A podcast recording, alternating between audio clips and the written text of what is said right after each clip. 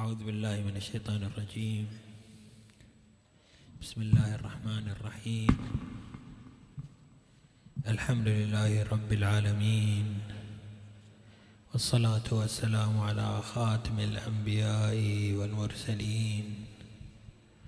حبيب الله العالمين نجيب الله وصفيه وخيرته من خلقه أبي القاسم محمد.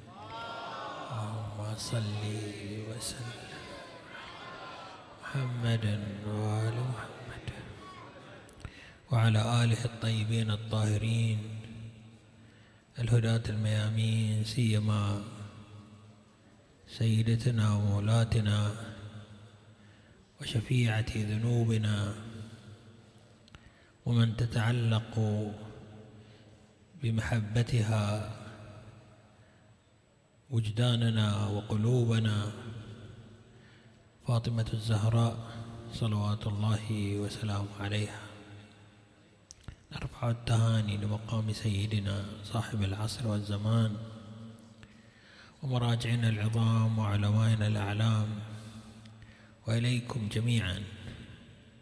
يا أحباب رسول الله وأحباب علي وفاطمة بهذه الذكرى. لعل الحديث عن الزهراء صلوات الله وسلامه عليها.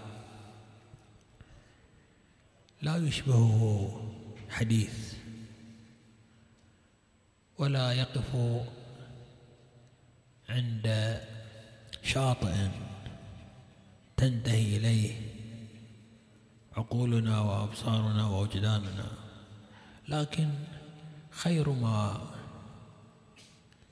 يمثل لنا ويوضح لنا. هذا المقام الإلهي الرباني للزهراء صلوات الله وسلامه عليها. كتاب الله وأحاديث آل بيت رسول الله.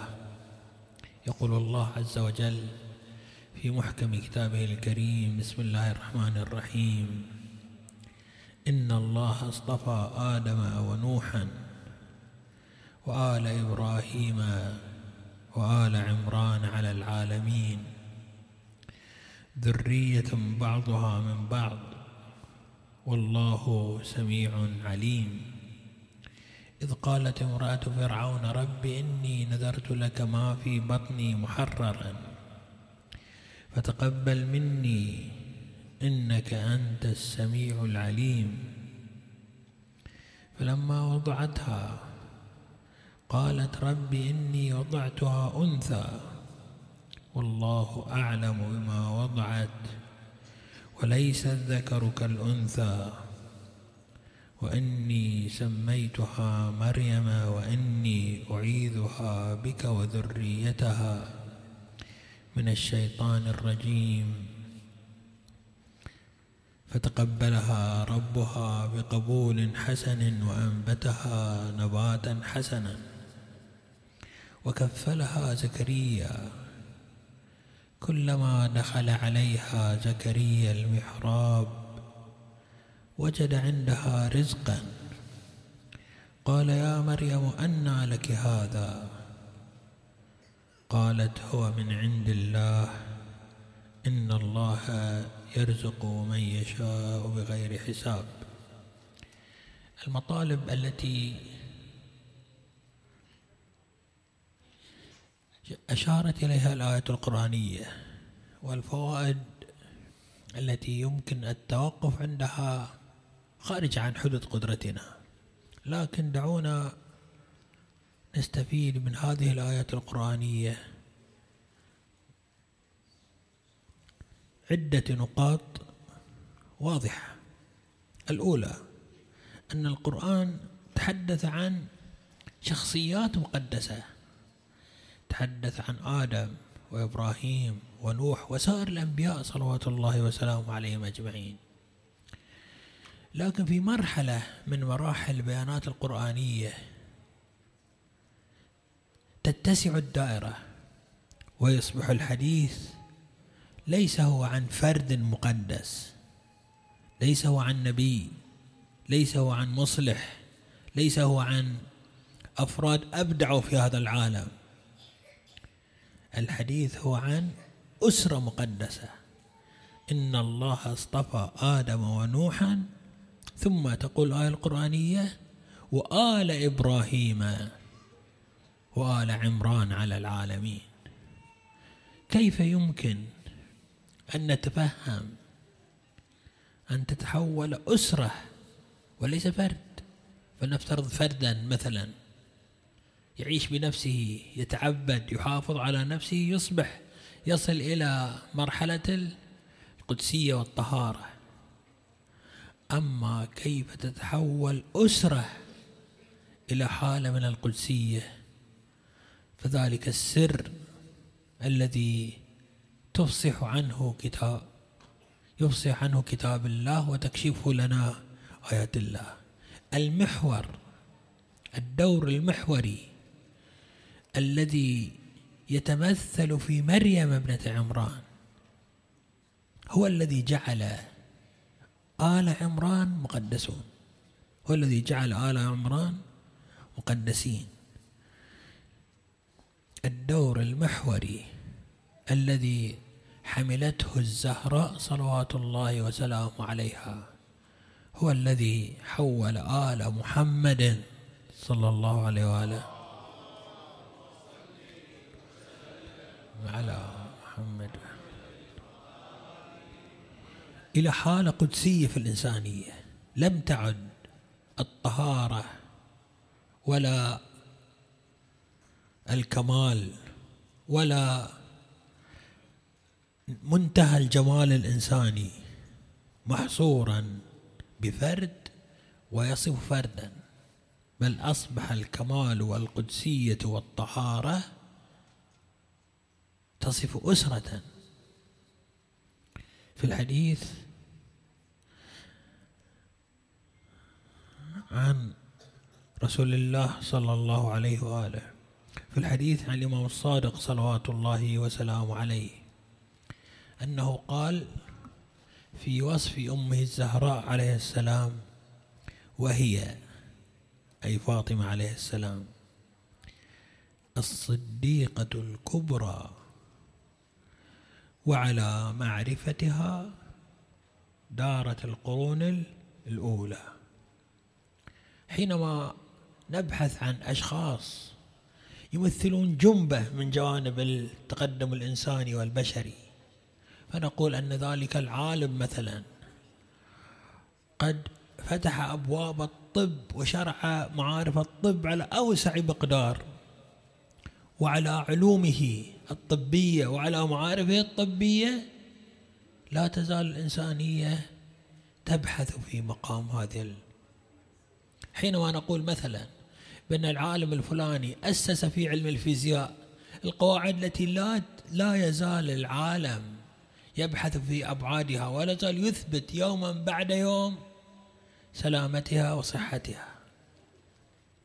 هذا أمر دارج عندنا في سائر العلوم. أما أن تكون الزهراء صلوات الله وسلامه عليها محور العلوم بأكملها على معرفتها دارت القرون الأولى منذ وجود البشرية وتطلعات البشرية وسعي البشرية لاكتشاف أسرار هذا الوجود لمعرفة قيمة الإنسان. لمعرفة ارتباطه بخالقه لمعرفة وحدانية ربه لمعرفة مسيرته لمعرفة هدي طريقته. نجد الزهراء صلوات الله وسلامه عليها كالنجم الذي يشير لنا إلى الطريق. كل ما أقدمت عليه البشرية وبحثت عن معرفته البشرية وسارت لتحقيقه البشرية هو علم الزهراء صلوات الله وسلامه عليها هو حقيقة فاطمة صلوات الله وسلامه عليها. ولذلك يقول القرآن الكريم إنا أعطيناك الكوثر. إيش معنى كوثر؟ كوثر شيء يمد لا ينضب لا يتوقف. نحن نعرف أن هناك نعم كثيرة تأتي لفترة مثلا تضخ في الإنسانية أفكارا جديدة دماء جديدة. نعم جديدة. لكن هذه النعم تتلاشى.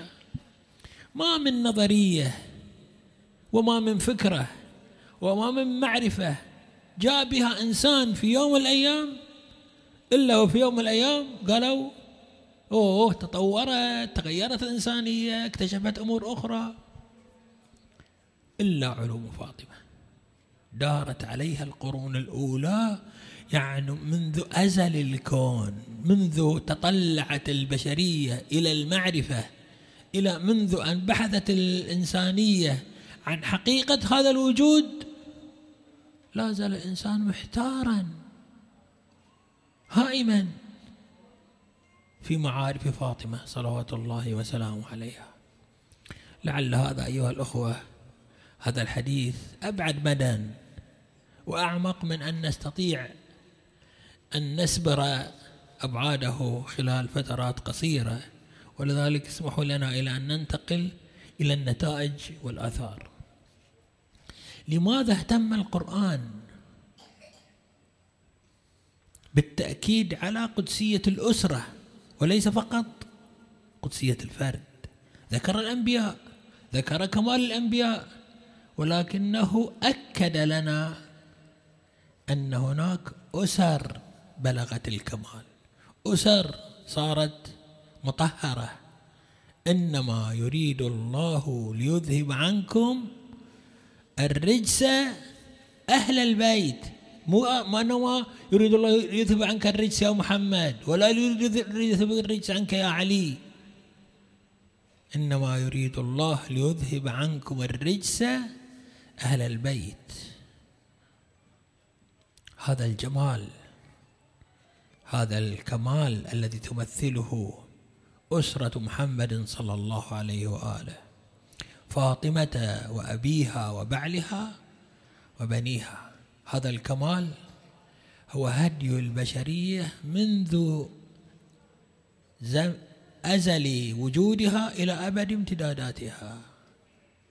كل البشرية تعي تعيش على نعمة محمد صلى الله عليه وآله. حتى الذين سبقوه. وأنا أستغرب إحنا في الحديث عن الإمام صادق عليه السلام. على معرفتها دارت القرون الأولى. آدم. وربما لو كان هناك عوالم قبل آدم. وربما لو كان هناك موجودات قبل موجودات آدم. هي أيضا كانت تستمد مسيرها ومسيرتها وانطلاقتها من معارف فاطمة صلوات الله وسلامه عليها. الآن دعونا نحاسب أنفسنا. ننظر نحن في واقعنا. هذا الكمال الذي شرحه القرآن الكريم في الأسرة. هل حافظنا نحن على كمال أسرنا؟ هل نظرنا في كيف تصبح أسرنا امتدادا لأسرة محمد صلى الله عليه وآله؟ امتدادا لبيت محمد صلى الله عليه وآله. أيها الأخوة الآن في زماننا الحاضر لا توجه طعون وسهام أكثر مما توجه إلى وضعية الأسرة. الآن يراد منا أن يصبح الأبو في وادي والأم في وادي والأب والجد والأخ والأخت والأبناء. كل واحد يسرح في دعوني فقط أشير إلى مصطلحين.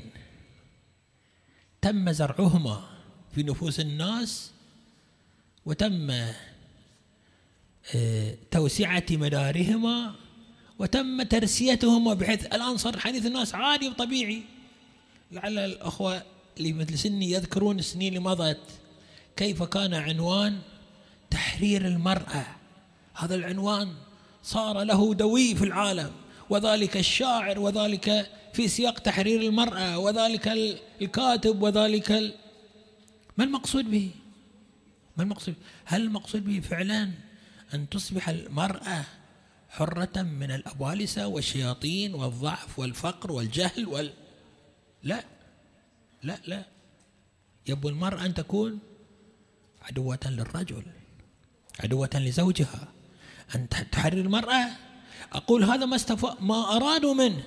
المعنى الحقيقي لتحرير المرأة هي أن تصبح المرأة حرة في نفسها سائرة إلى كمالها متحركة إلى جمالها محافظة على مجامع وجودها. لكن نستغل هذا العنوان في خلق العداء بين المرأة والرجل والزوج وزوجته. الآن قبل يمكن عشر سنوات. اخترع عنوان جديد بعد. أحدث. وعنوان جميل. جذاب من جهة. ولكنه كالسم الذي يراد بثه فيه.